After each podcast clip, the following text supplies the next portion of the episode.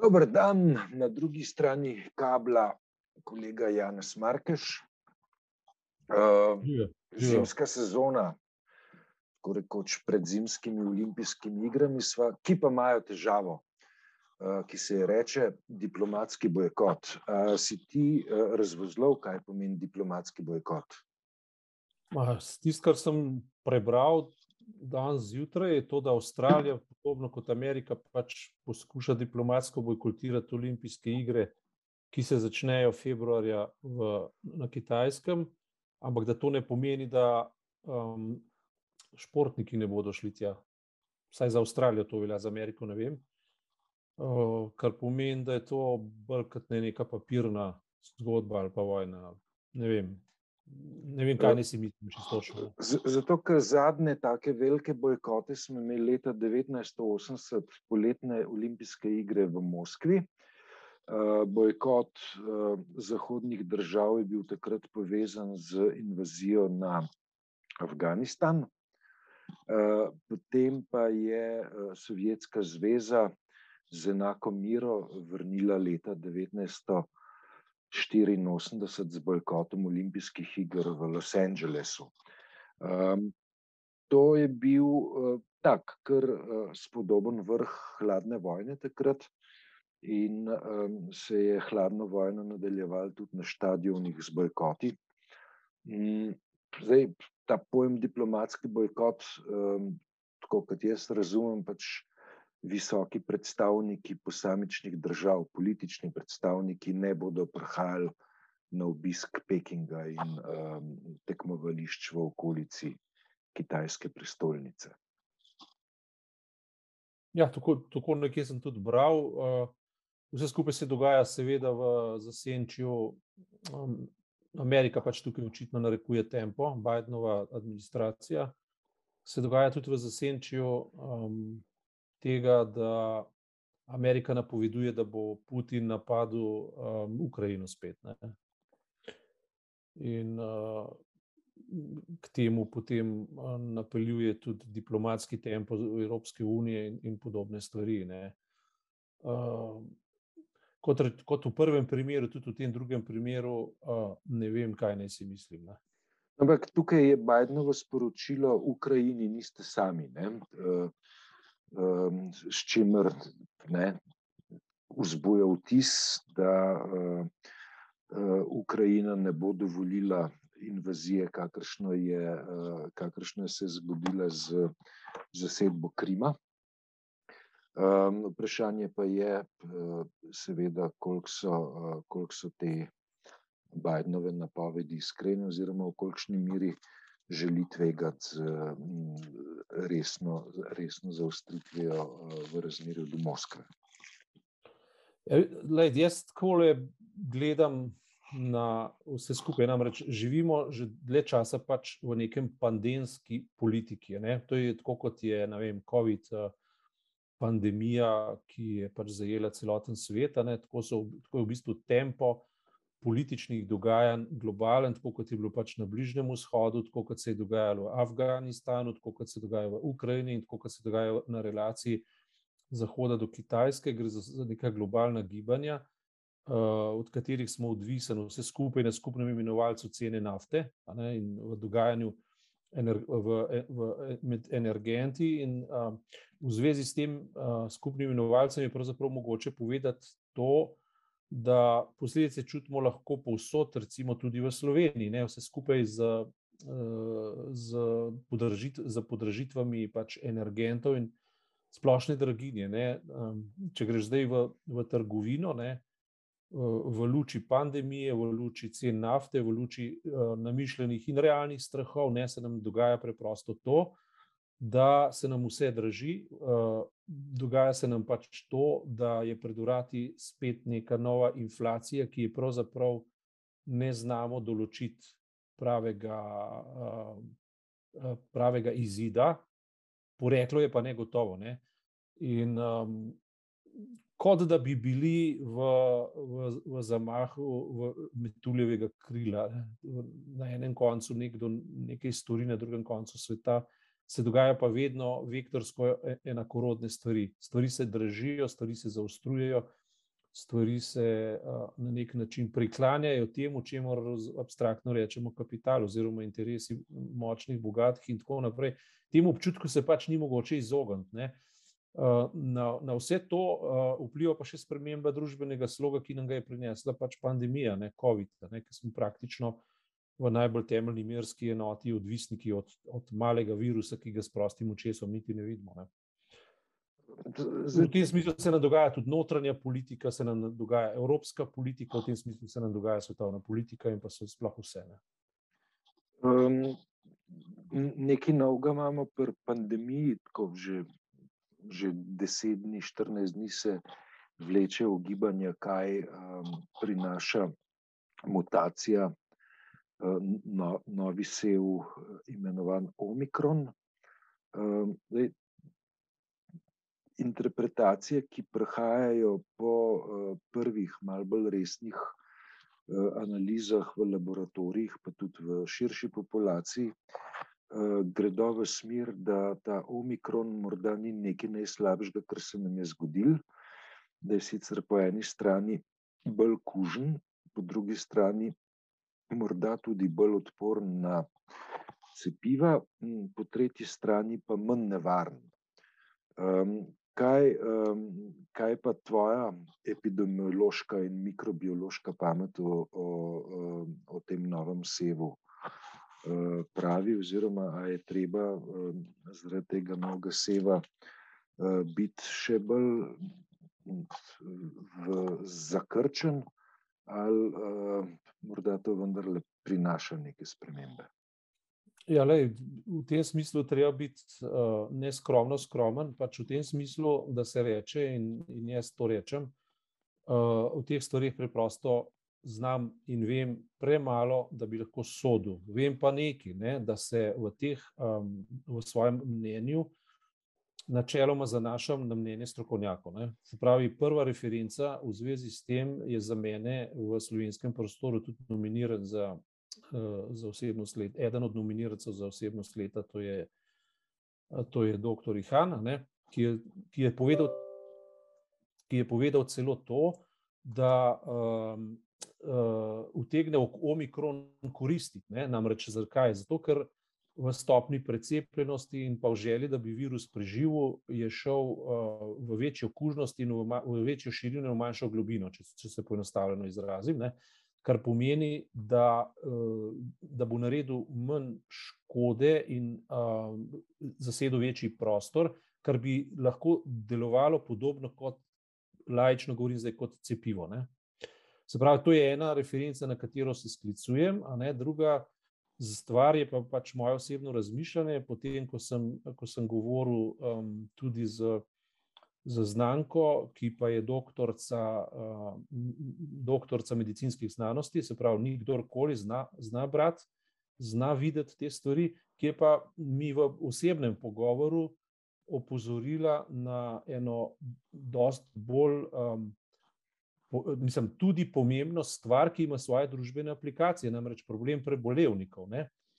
Uh, se pravi, če po eni strani privzamemo, ne, da se utegne zgoditi, da bomo v roku pol leta govorili o, o COVID-u kot o preteklem času, kot o nečem, kar bo izzvenelo, imamo uh, na drugi strani zelo visoko intenziteto cepljenja, ki pa, ki pa ni nujno uh, fair, ne, če tako rečem. Ne. Namreč na eni strani industrija zelo pospešuje ta cepljenja, ker dela iz njega visoke profite, na drugi strani pa obstajajo zelo resni uh, znanstveni pač članki, ne, ki pokažejo, da prebolevniki že so cepljeni za samo prebolevnostjo in jih ne bi kazalo siliti v še dodatno cepljenje iz dveh razlogov. Prvič, zato ker to ni potrebno, drugič pa zaradi tega, ker um, je naravni imunski sistem verjetno ustreznejši, kot če ga umetno, uh, kako ne rečem, napihuješ. Ne. Uh, Um, Spravno, to ni spet ni moje znanje, ker ga nimam, ampak uh, se um, lahko sklicujemo pač na zelo dobre vire, ne, se pravi, znanstvene vire. Uh, in v tem smislu je zakonodaja, ki jo je skovala, pač, ali pa priporočila, ki so jo skovala Evropska unija in, in velja tudi pri nas, namreč, da, da, da bi v tem primeru prebolevniki, ki imajo ta pomislek in se ne cepili v roku pol leta, bili v takem prekršku, da več ne bi mogli biti deležniki v družbenem življenju. No, to pa se mi zdi tema, kjer pa mi kot uh, mediji ali pa mi kot premišljevalci pač naše družbe, pa vendarle lahko uh, rečemo, da za tako debato pa mora biti prostor. Ne? Namreč, uh, če, uh, če drži, ne, da je stopna antiteles pri prebolevnikih enako visoka, uh, in popolnoma brez razlik od pri tistih, ki so cepljeni, potem oni ne bi smeli biti v tem smislu diskriminirani, oziroma se od njih ne bi smelo zahtevati, oziroma razmišljamo o tem, da ne bi bilo prav, da se od njih zahteva, da se pod prisilo cepijo, sicer pa ne bodo izpolnjevali pogojev in bi, in bi se morali vsake dva dni spet, uh, se pravi, um, testirati. Uh, ta debata, še posebej pa zato, ne, ker kaže na to, da je 180 dni oziroma pol leta nekaj, kar bi se lahko raztegnilo po zdajšnjih raziskavah na eno leto, po enem letu se pa zna zgoditi, da bi ta pandemija izvenela. Ne? Ne vem, meni se to zdi relevantna debata, ne vem, kaj ti misliš. Škako, jaz um, bi pred začetkom te debate oziroma preden ti odgovorim, bi uh, potreboval podatke. Uh, Slovenija ima do neke mere veliko srečo, da obstaja spletna stran COVID-19 sledilnik ORG. Po drugi strani je pa tako, da ima sledilnikova ekipa težave pri predobivanju točno teh podatkov, o katerih ti govoriš. Ne? Se pravi, gre za podatke. Prvič, kolikšen del prebolevnikov je ponovno zbolel. Mm, drugič, kolikšen del prebolevnikov je uh, bil ponovno hospitaliziran. Uh, obstaja pa tretji podatek in sicer kolikšen del uh, ljudi, ki so že preboleli, je uh, prišel na intenzivne oddelke, se pravi na oddelke, kjer se mm, ukvarja z reševanjem življenj. Mm, na intenzivnih oddelkih je manjše število, oziroma zelo mehko število prebolevnikov, po drugi strani pa je na intenzivnih oddelkih v tem trenutku okrog tretjina ljudi, ki so že bili cepljeni. Ne? Pravi, mi imamo neko poenostavljeno trditev, ki pravi, cepljenje preprečuje težji potek bolezni. V resnici je tako, da cepljenje zmanjšuje tveganje za resnejši potek bolezni. Medtem ko pri prebolevnikih so pa številke ljudi, ki so zboleli in to resno zboleli, izjemno mehke. Zaradi tega, preden bi jaz karkoli odgovoril, bi potreboval podatke, a, a kdaj so zboleli prebolevniki, koliko časa je minilo takrat, kolikšen del eh, prebolevnikov je eh, ponovno pozitiven. Tukaj nekaj podatkov sicer je, vendar so, so zlasti podatki, ki se pa tičejo hospitalizacije na običajnih oddelkih, pa nepopolni. Ne?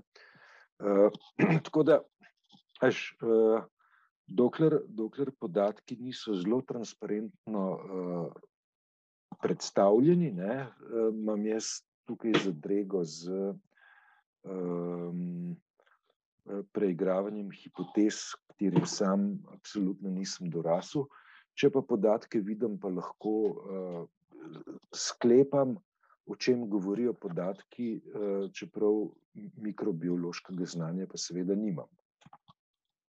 Ja, sej to je, jaz sedimo pač na istem stolu. Tisto, kar se meni, meni zdi pomembno, je, jaz sem namreč prebral relevanten članek, ki ga zdaj iz glave pač ne morem citirati. In tam sem prebral, da je um, obolevnost prebolevnikov na ta način, kot si ga ti vprašal, med nič in ena odstotka. Ta raziskava, oziroma ta članek, naj bi bil v, v zelo, zelo, kako ne rečem, visoko relevantni reviji v ZDA. Kot rečeno, ga zdaj ne morem citirati iz glave, ne, v tem smislu bi se moral boljš pripraviti, pa tudi, tudi če bi se, še vedno nimam znanja, da bi to lahko komentiral. Mislim pa, ne, tisto, kar je um, poanta tega, kar se pogovarjava, ne, da če se okrog tega da vzpostaviti, oziroma se vzpostavi nek utemeljen dvom, uh, najmanj, kar je, je um, prostor medija, prostor to vrstne debate, ki je seveda argumentirana, ki nima nobene veze z anticepilstvom, da ne bo pomote, ampak ima zvezo z pač tem, da uh, ali eh, prebolevnike obremenjevati z, ali posiljevati, če hočeš, ne, z dodatnimi dozami cepiva, tam, kjer to ni potrebno. To je edini vidik. Ne. To cepiti se da ali ne, se pravi med tistimi, ki niso bili še sploh cepljeni in pa uh, tisti, da bi morali biti cepljeni, v tem pač ne more biti dvoma. Je, v tem si je kompletno vsa stroka edina. Nobenega dvoma, tudi v tem članku sem to prebral, Nobenega dvoma ni v tem, da se je treba cepiti, če nisi bil cepljen. Ne? To ni nobenega dvoma. Govorimo zdaj samo o prebolevnikih in obveznih nadaljnih uh, dozah, oziroma obveznih nadaljnih cepljenjih, ki so administrativno predpisane v roku šestih mesecev, konkretno v Evropi, oziroma konkretno tudi pri nas. Ja. Ker, uh, to, to se ni zmislila slovenska vlada, ampak so verjetno prepisali iz pač do, domnevam evropskih priporočil ali pa direktiv. Ne? No, ampak to je, to je uh, Uh, se pravi, tisto, kjer naja stvar zanima, običajno, kadar se tako pogovarjava na štiri oči ali pa preko javnosti, je to, ali obstaja družbena debata, ki je relevantna in je treba dati prostor ali ne. To je najen vidik. Ja. Jaz mislim, da v takem primeru da. Ja, mislim, eh, jaz bi te tle dopolnil ne, članek, ki ga ti omenjaš in iz katerega si vzel neke fragmente, je bil objavljen v reviji Lancet. Eh, revija Lancet je mm, med vsemi medicinskimi revijami ehm, vodilna revija, glede na to, eh, kako pogosto je citirana. Ne? Se pravi, gre za revijo, ki eh, je hkrati podvržena z, z izjemno, izjemno strogim recenzijam. Ne, in v to revijo m, mm, zelo težko pridejo članki, Eh, ki jih predtem niso, ki, ki, ki nimajo znanstvene relevance. Okay, se zgodi, ne, ker je revija Lancet bila tista, ki je pred desetletji povezala cepivo z pojavom avtizma in je potem eh, debelo desetletje trajalo, da je revija Lancet ta članek tudi omaknila. Ampak se je iz, iz tega nekaj naučila. Ja, to je na vsak način, no, kot rečeno. Ne, um, ko smo razmišljali v posebni okrepljeni prilogi, uh, sobotni prilogi o prihodnosti, ne, to je bilo zdaj pač zadnjo soboto, ne, ki, jo, ki jo seveda priporočamo v branje. Ne, smo razmišljali pač na tanko o tem, ne, uh, kakšen vpliv imajo v bistvu v končni fazi. Eh, stvari, ki so na prvi pogled pač bolniške, zdravstvene, mikrobiološke, in tako naprej. Ne. In lahko na koncu vidimo, da že samo strahovi okrog tega, ki nimajo znanstvene osnove, lahko premikajo indekse na borzah in to krepko, ne, kar se je zgodilo ta teden, že samo z, z nafto zaradi omikrona. Ne. In ta, ta premik nafte na vzdolj, cene nafte na vzdolj v zvezi z omikronom že pokaže, kako v bistvu borzna industrija popolnoma nič ne razume narave tega virusa. Ne. Tudi moj prvi refleks je bil, da, je, da, je, da so borze zanihale, vse mogoče deloma tudi so, ne, zato ker pač industrija si lahko zaradi omikrona, ki bo ublažil učinke celotne pandemije, da bo zato imela manjše dobičke in da so tudi delnice padle. Ampak v resnici nafta nima nobene zveze s tem, ne, gre v bistvu za ravno obratno učinek, ker so se ustrašili, da bo imel prevelik impact in da bo spet zaprl svet, ne, da bo spet lockdown celotnega sveta. Zdajšnji pač, uh, pač razmišljanje, na začetku sem se pač sklical na Ihana, pa kaže na to, da je omikron lahko del rešitve in ne del problema. Ne. Uh, če je to uh, novoletno darilo, je bilo fino. Naj bo, ne? Ja. Mi dva se pa slišva naslednji teden. Si tukaj? Naslednji teden me pa ni, tako da se mi Dobro, zdi, da bo manjkaš, uh, ampak obvestiti, ker smo na dopustih. Nekaj časa naj ne bo. Ne? v redu. Kolega Markeš, čuvaj se, adijo. Tudi ti srečno.